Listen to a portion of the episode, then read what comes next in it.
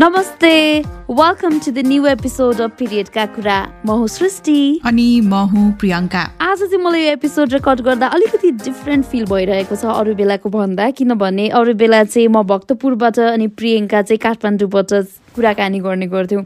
But today it's different because we are in different countries म नेपालको एकदमै चिसोमा छु अहिले। र म भने कम्बोडियाको गर्मीमा छु अनि हामी दुवैजना सात समुद्र पारीबाट एकअर्कासँग गफ गरिरहेका छौँ। बट थ्याङ्क्स टु टेक्नोलोजी हामी चाहिँ सँगै बसेर कुराकानी गरेको जस्तै बनाइदिएको छ है। अभियसली यो टेक्नोलोजीलाई त हामीले एकदमै भगवानै मान्नुपर्छ हाम्रो किनभने यसै को माध्यमबाट चाहिँ हामीले यो पडकास्ट ल्याउन सफल भएका छौँ। पास्टमा पनि हामीले चाहिँ बेग्ला बेग्लै ठाउँबाट कुराकानी त गरेका थियौँ। एकचोटि मैले जनकपुरको त्यो दराजभित्र लुकेर कुराकानी गरेको थिएँ। है? त्यति बेला चाहिँ प्रियङ्का चाहिँ लमजुङमा झ्यालबाट बाहिर हिमाल हेर्दै कुरा गरेको थियो है। सो त्यो फेजबाट अहिलेको यो फेजसम्म आइपुग्दा चाहिँ we are in different countries but यसै गरी केही समयको लागि हामीले पडकास्ट चाहिँ कन्टिन्यू गर्नेछौँ। महिनावारीमा हामीले भोग्ने समस्या अनि महिनावारी केही कारणले हुने विभेदका कुरा अझ जोडसँग हामी यो पडकास्ट मार्फत यहाँहरू सामु ल्याउनेछौँ र आज चाहिँ हामी यहाँहरूलाई काठमाडौँभन्दा अलिकति पर तराई अर्थात् मधेसमा लिएर जाँदैछौँ। मधेसमा महिनावारीलाई कसरी हेरिन्छ त? के मधेसमा पनि देशको अन्य भाग जस्तै विशेषतः पहाडको जस्तै महिनावारीमाथि बन्देजहरू छन् त? के त्यहाँका किशोरीहरूले यो बारेमा खुलेर कुरा गर्न सक्ने वातावरण छ त? उहाँहरूले कस्तो कस्तो समस्या भोगिरहनु भएको छ महिनावारीलाई लिएर? आज हामी यही विविध कुराहरू सुन्नेछौँ मधेसकै बहिनीहरूबाट। आजको पिरियडका कुरामा हामीलाई मध्य प्रदेशबाट त्यहाँका मानव अधिकार कर्मी सुनिल शाहले जोइन गर्दै हुनुहुन्छ र लाहान नगरपालिकाका किशोरीहरूसँग पनि कुराकानी गर्दै हुनुहुन्छ। एकैछिन लागौँ लाहानतर्फ।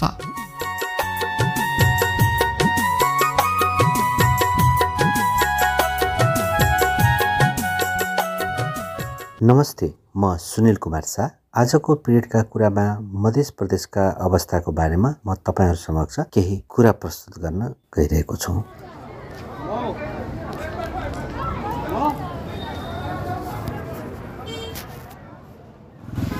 तपाईँको नाम?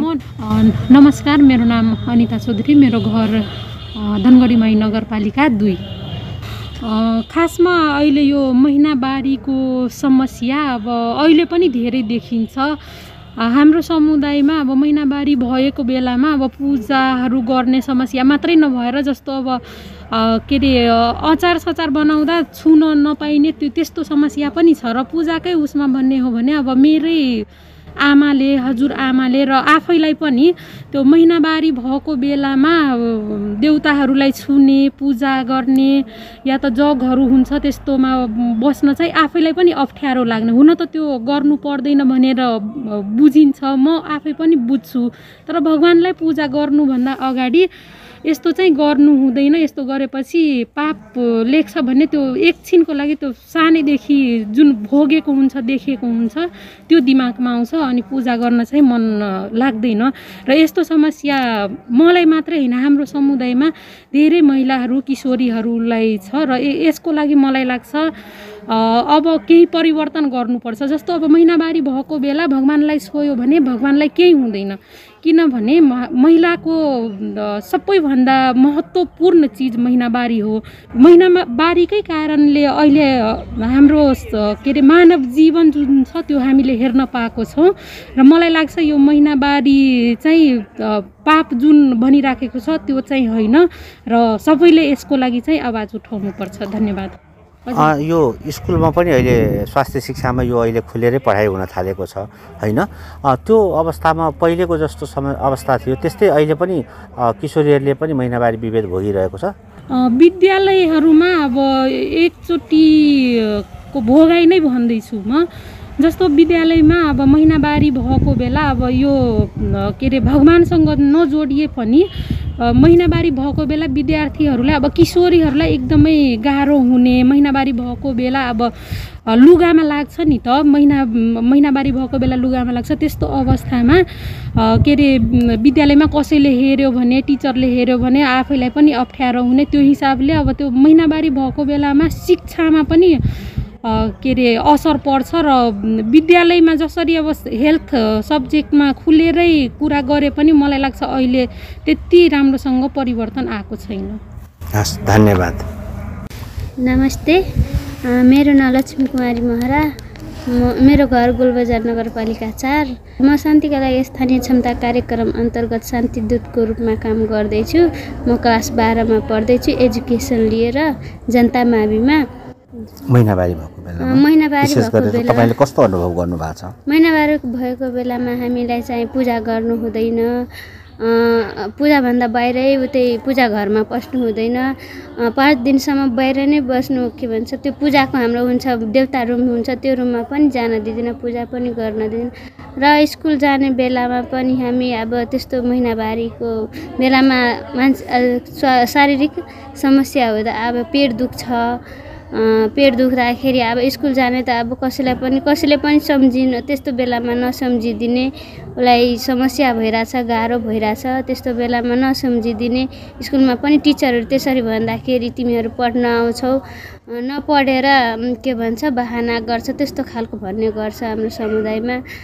अनि त्यस्तो यो जति बेला हामी महिनावारी भएको बेलामा जुन घरले परिवारले समाजले छुट्टै बस यो काममा सरिक नहो शुभ काम नगर भन्दाखेरि कस्तो अनुभव हुन्छ नराम्रो अनुभव हुन्छ। अब म मेरो पनि इच्छा हुन्छ म पनि त्योमा सरिक हुन पाऊ। तर हुन त्यो हाम्रो समा मधेसी कल्चरमा त्यस्तो छैन। इच्छा हुन्छ यो पनि म पनि गर्न सकु खुसी लाग्छ तर भएन त्यस्तो हुँदैन। त्यस्तो विद्यालय जाँदाको कुनै त्यस्तो अनुभव छ तपाईँसँग? यो महिनावारी भएकै कारणले विद्यालय छोड्नु परेको स्कुल जान नपाउनु परेको त्यस्तो केही अनुभव छ? महिनावार भएको बेलामा पेट दुख्छ अलिक गाह्रो हुन्छ सबैलाई त त्यस्तो अलिक कसै कसैलाई धेरै नै गाह्रो हुन्छ त अब पढाइ छोड्नै पर्छ त्यस्तो बेलामा। भनेपछि त्यस्तो बेलामा विद्यालय गइँदैन। त भनेपछि त मै महिनाको पाँच दिन मात्रै भन्दा पनि वर्षमा त साठी दिन स्कुल जानबाट वञ्चित भयो नि। त्यस्तो लाग्दैन? त्यो साठी दिन मैले पढ्न पाएको भए अझ मैले राम्ररी पढ्न सक्थेँ। त्यस्तो? इच्छा त हुन्छ सबै म पनि राम्ररी पढ्न पाऊ तर अब त्यस्तो गर त्यस्तो बेलामै अब एकदमै कसैलाई त धेरै नै पेट दुख्छ। कसैलाई त उ त्यो औषधि नखाने बित्तिकै उसलाई त के अवस्था एकदमै गम्भीर हुन्छ। त्यस्तो बेलामा अब छोड्नै पर्छ क्लास नछोडेर। अब उपचार पनि गराउँदा त्यो निको हुँदैन। त्यो बेलैमा अब त्यस्तो हुने पिरियड हुने बेलामा त एकदमै पेट दुख्छ खुब दुख्छ। हस् धन्यवाद।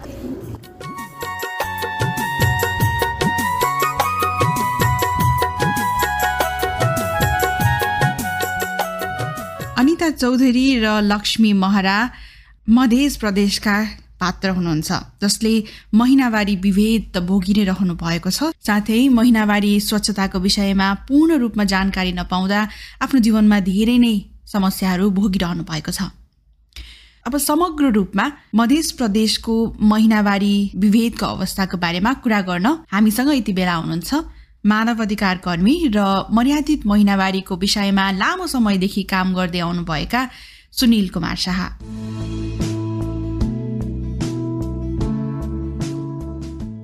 Sunilji welcome to our podcast पिरियडका कुरा। थ्याङ्क यू सुनिलजी आराम हुनुहुन्छ? हजुर आराम छु। हामीले फर्स्ट टाइम तराईको स्टोरी लिएर आउन खोजेका छौँ यसपालि है। हामी चाहिँ अब काठमाडौँ मात्रै लिमिटेड नभएर काठमाडौँमा मात्रै नभएर अरू ठाउँको बेग्ला बेग्लै ठाउँहरूको स्टोरी पनि लिएर आएको थियो तर तराईको पार्ट चाहिँ हामीले कहिले पनि कुरा गर्न पाइरहेको थिएनौँ। So we are so happy to have you here today अनि अ, सुनिलजीले आज मध्य प्रदेशको अ, किशोरीहरूसँग पनि कुराकानी गर्नुभएको छ होइन? हाम्रो पहिलो प्रश्न चाहिँ उहाँहरूसँग कुरा गर्दाखेरि नि उहाँहरूसँग अप्रोच गर्न चाहिँ कतिको सहज भयो? खासमा कस्तो व्यवहार उहाँहरूबाट पाउनुभयो जब महिनावारीको कुरा तपाईँहरूसँग गर्दैछु है भन्दाखेरि? हजुर स्पेसली अब यो हामीले अहिलेसम्मको परिवेशलाई हेर्ने हो भने मधेसमा त्यसै पनि विभिन्न खाले विभेद विभिन्न खाले आफ्नै सामाजिक समस्याहरू रहेको अवस्था छ। त्यसमा पनि यो हामीले यो महिनावारीलाई चाहिँ व्यक्तिगत एउटा भनौँ न व्यक्तिगत रूपले अहिलेसम्म पनि गोपनीयताकै रूपमा रहेको अवस्था छ। र त्यसमा पनि किशोरीहरूसँग कुरो हजुर। त्यसै पनि सजिलो त पक्कै थिएन। महिनावारीलाई अझ पनि त्यो एउटा व्यक्तिगत शारीरिक परिवर्तनका कुरासँग जोडेर एउटा महिना च महिनावारी चक्रको हिसाबले स्वास्थ्य मान्छेको शारीरिक उमेरसँगै आउने शारीरिक परिवर्तनको कुरोसँग जोडिएर मात्रै छलफल भइरहेको सन्दर्भ रहेकोले पनि हामीलाई ओपेनली किशोरीहरूको आवाज ल्याउन चाहिँ कठिन थियो। यद्यपि उहाँसँग एउटा भलाकुसारी गर्दै र आफ्नो निजी जीवनमा भोगेको अनुभव यसो बताइदिनुहुन्छ कि भन्ने हिसाबले कुरो गर्दै जाँदाखेरि उहाँहरू खुलेर कुरा गर्नु चाहिँ तयार हुनुभएको थियो। अनि उहाँहरूको जब कुराकानी गर्नुभयो नि कस्तो पाउनुभयो दृष्टिकोण उहाँहरूले कसरी लिनु हुँदो रहेछ महिनावारीलाई अथवा उहाँहरूको परिवारमा कसरी लिइदो रहेछ? किशोरीहरूसँग कुरो गरिरहँदाखेरि यो महिनावारीको सम्बन्धमा कुरो गरिरहँदाखेरि उहाँले दुई खालको विचारलाई अगाडि ल्याउनु भएको थियो मैले पाएँ।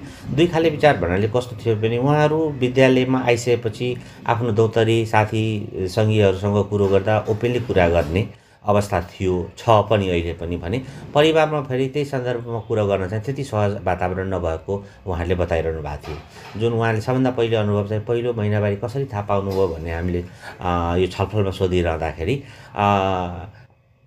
आमाले कसै कसैले आमाले भन्नुभएको कसैले भाउजूबाट थाहा पाएको भन्नुहुन्थ्यो भने कसैले चाहिँ अचानक आफ्नै शरीरबाट पहिलोपल्ट रगत बग्दाखेरि चाहिँ डढाएर कुदेर आमालाई भनेपछि बल्ल यो चाहिँ एउटा चाहिँ नियमित प्रक्रिया हो। चौध वर्ष तेह्र चौध वर्ष पुगेपछि यो चाहिँ सबैलाई सबै किशोरी महिलालाई हुन्छ भन्ने कुरो थाहा पाएपछि अलिकति आफूमा चाहिँ यो महिनावारी रहेछ भन्ने कुरो भएको भन्ने चाहिँ उहाँहरूले भन्नुहुन्थ्यो। स्वास्थ्य शिक्षकले पनि पढाउँदाखेरि ल यो च्याप्टरमा आज पढाइ हुन्छ तपाईँहरू पढ्दै गर्नुहोस् भनेर लगाइदिने अनि आफूहरू बाहिर जाने अनि हामी आफै पढ्नुपर्ने जस्ताको कुराहरू चाहिँ सेयर गरेको चाहिँ मैले पाएँ। एउटा विडम्बना नै हो क्या हाम्रो देशको जुन यो विद्यालयमा होइन?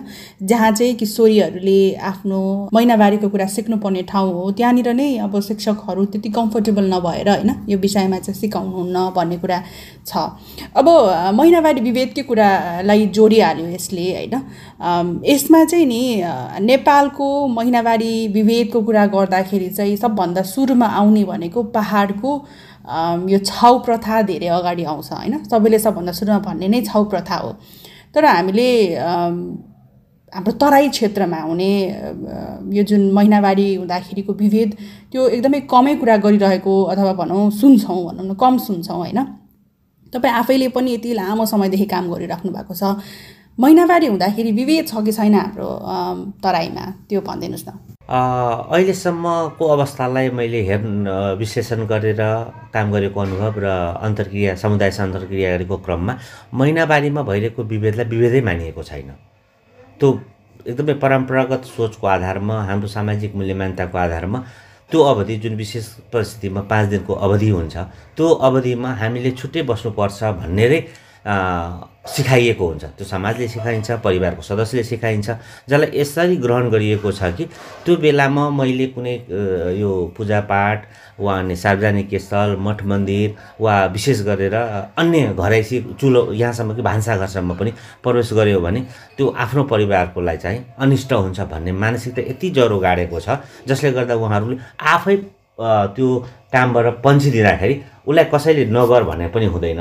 तर आफै त्यसबाट निक्लिदिँदाखेरि चाहिँ त्यो चाहिँ कुरोलाई उहाँहरूले विभेदको रूपमा लिइरहनु भएको छैन। तसर्थ यो चाहिँ एउटा लैङ्गिक विभेद हो महिनावारी विभेद हो भनेर बुझाउनै पहिलो चरणमा हामीले अलिकति सकस परिरहेको अवस्था छ। किनभने जुन भन्नुको मतलब होइन अहिले हामीले कुरा गरिरहँदा तराईमा पनि अरू ठाउँको नेपालको अन्य ठाउँ जस्तै पहाडको जस्तै त्यस्तै नै विद्यमान छ होइन त। जुन यो रेस्ट्रिक्सन्सहरूको कुरा गऱ्यौँ नि हामीले विभेदका कुरा गऱ्यौँ केही फरक छैन तराई र पहाडमा भनेर बुझ्दा भयो है। हजुर। स्वरूप हजुर स्वरूपमा फरक छ। जस्तो कि अब छाउपडीको कुरो यहाँले गर्नु छाउपडी किन बाहिर आयो भने घरभन्दा बाहिर छुट्टै ठाउँमा राख्ने चलनले गर्दाखेरि यो चाहिँ एउटा इस्यु बन्यो। किनभने घरमा त्यति त्यो अवधिमा घरमा बस्न पाइँदैन। त्यसको लागि विशेष समाजले परिवारले छुट्टै घर बनाएको हुन्छ। जुन घरमा उनीहरूले त्यो अवधिमा बस्नुपर्छ परिवारहरू छुट्टिएर बस्नुपर्छ भन्ने त्यसले गर्दा छाउपडी प्रथा एकदम सार्वजनिक भयो। यसले चाहिँ एउटा मुद्दाको रूपमा काम गर्यो। तर अहिले पनि मधेसमा हेर्नुहुन्छ भने घरभन्दा बाहिर त छैन। तर घरको भित्र पनि छैन उहाँहरू। यो माइनेमा छैन कि त्यो घरमा यदि कुनै दिन रक्षाबन्धन पऱ्यो मानौँ यो चक्र कहीँ जहिले पनि पर्दिन सक्छ। त्यो दसैँको टिका लाउने बेला परिदियो घरको पूजाआजा परेको बेला परिदियो भने त्यो काममा उहाँहरू सरिक हुनुहुन्न। आफूलाई छुट्याएर राख्नुहुन्छ भनेपछि घरभित्र त हुनुहुन्छ तर त्यो काममा उहाँहरू जुन अन्य दिन सहज रूपले उहाँले सहभागिता जनाउन पाउनुहुन्थ्यो त्यसबाट उहाँहरू वञ्चित हुनुहुन्थ्यो। भान्साघरमा प्रवेश गर्ने अवस्था त छ। तर भान्साघरमा अब पस्यो भने अचार नछुइदिने अचार बिग्रिन्छ भन्ने मानसिकता अहिले पनि मधेसमा छ। कुनै कुरो फल्न लागेको तरकारीहरू बजाएर बारीमा छन् भने त्यसलाई यदि छुइदिने हो भने महिनावारी भएको बेलामा त्यो फलै लाग्दैन भन्ने मानसिकता अझै पनि छ। अनि यी कुराहरूले गर्दा कतै पनि विभेद त पक्कै यो सबै कुरो विभेद हो। तर छाउ प्रथा एउटा फरक ढङ्गले गयो भने मधेसमा भएको महिनावारीको विभेद चाहिँ फरक ढङ्गले घरभित्र छन् तर धेरै खा धेरै कामका कामका कुराहरूबाट उहाँहरू वञ्चित हुनुभएको अवस्था छ। किशोरीहरू त्यसलाई चाहिँ विभेद नमान्ने रहेछौँ होइन? किनभने यहाँ धर्म र संस्कारको कुरा विभेद भनेर यो सायद धर्म र संस्कारको कुरा जोडिएको भएर पनि होइन? विभेद छ भन्ने कुरा यहाँलाई थाहा छ। अब यसमा धेरै कामहरू पनि भइरहेका छन् होइन? तपाईँको तर्फबाट चाहिँ यो विभेद चिर्नको लागि के कस्ता कदमहरू गरिराख्नु भएको छ? हजुर हामीले सर्वप्रथम अब यो यो महिनावारी विभेदको अन्त्य गर्नको लागि सबभन्दा पहिले यो हाम्रो जुन सामाजिक मूल्य मान्यताहरू छन् त्यसलाई भत्काउनु आवश्यक छ। त्यो भत्काउने भनेर फेरि समाज सम्पूर्ण समाजलाई एकैचोटि हामी परिवर्तन गर्न सक्ने स्थिति पनि छैन। तर एउटा एज उमेर जुन उमेर समूहमा हामीले केन्द्रित भएर काम गऱ्यौँ भने त्यो उमेर समूहले चाहिँ त्यसलाई चाहिँ त्यस्ता खालका सा हानिकारक सामाजिक मूल्य मान्यतालाई परिवर्तन गर्न सक्नुहुन्छ उहाँहरू सम्भावक सम्वाहक बन्न सक्नुहुन्छ भन्ने मान्यताले हामीले बढी गएर किशोर किशोरी किशोरी मात्र होइन र अहिले हाम्रो परम्परागत सोच के छ भने महिनावारीको कुरो गर्ने हो भने किशोरीसँग मात्रै कुरा गर्नुपर्छ महिलासँग मात्रै कुरो गर्नु भन्ने एउटा चलन पो छ। तर हामीले अहिले काम गरिरहँदाखेरि किशोर किशोरी विशेष गरी किशोरले पनि बुझ्नुपर्छ किनभने महिनावारी विभेदले किशोरीलाई मात्र होइन किशोरलाई पनि अप्ठ्यारो पार्छन्। महिलालाई मात्र त्यसले विभेद पार्दैन पुरुषलाई पनि विभेद पारिरहेको अवस्था हुन्छ।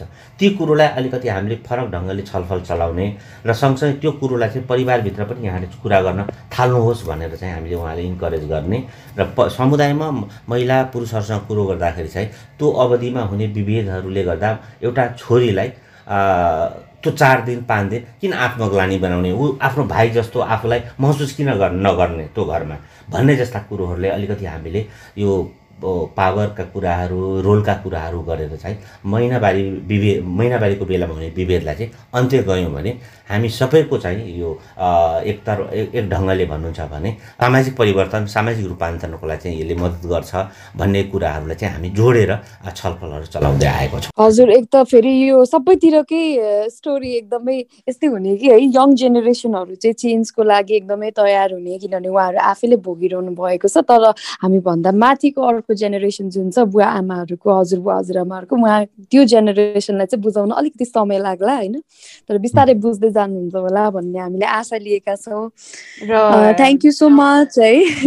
यति धेरै कुराहरू मधेसका कुराहरू ल्याइदिनु भयो। हामीले मधेसको बारेमा कुरै गर्न पाएका थिएनौँ। सो आज कुरा गर्न पाउँदा चाहिँ कहीँ कतै होइन कि हाम्रो तर्फबाट पनि केही कन्ट्रिब्युट गर्न सक्छौँ कि भनेर चाहिँ लागेको छ हामीलाई अनि त्यही भएर पनि हामी यो एपिसोडमा मात्रै लिमिट हुनु हुँदैन होला कि प्रियङ्का है? अब आगामी दिनहरूमा पनि सुनिलजी र सुनिलजी जस्तै अन्य सहकर्मीहरू यहाँको सहकर्मीहरू जो चाहिँ महिनावारी विभेद अन्त्य गर्न लागिरहनु भएको छ र महिनावारी स्वच्छताको विषयमा चाहिँ जानकारी फैलाउँदै हुनुहुन्छ होइन? उहाँहरू सँगसँगै हामी हातेमालो गर्दै अगाडि बढ्नेछौँ र यहाँहरूको कामको लागि पनि हामी अहिलेदेखि नै शुभकामना पनि व्यक्त गर्दछौँ बिरेटका कुराको तर्फबाट।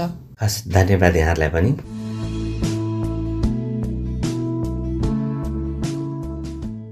आज हामीले मध्य प्रदेशमा महिनावारीको अवस्थामा किशोरीहरू महिलाहरू कस्तो अवस्थाबाट गुज्रिनुहुन्छ भनेर त्यहाँको एउटा सानो परिवेश मात्र हामीले प्रस्तुत गर्यौँ। आगामी दिनहरूमा मध्य प्रदेश लगायत नेपालका अन्य भूभागबाट महिनावारी हुने व्यक्तिहरूका भोगाई समस्या र यो विषयमा काम गर्दै आउनुभएका विभिन्न अधिकार कर्मीहरूको आवाज भने हामी समेट्नेछौँ।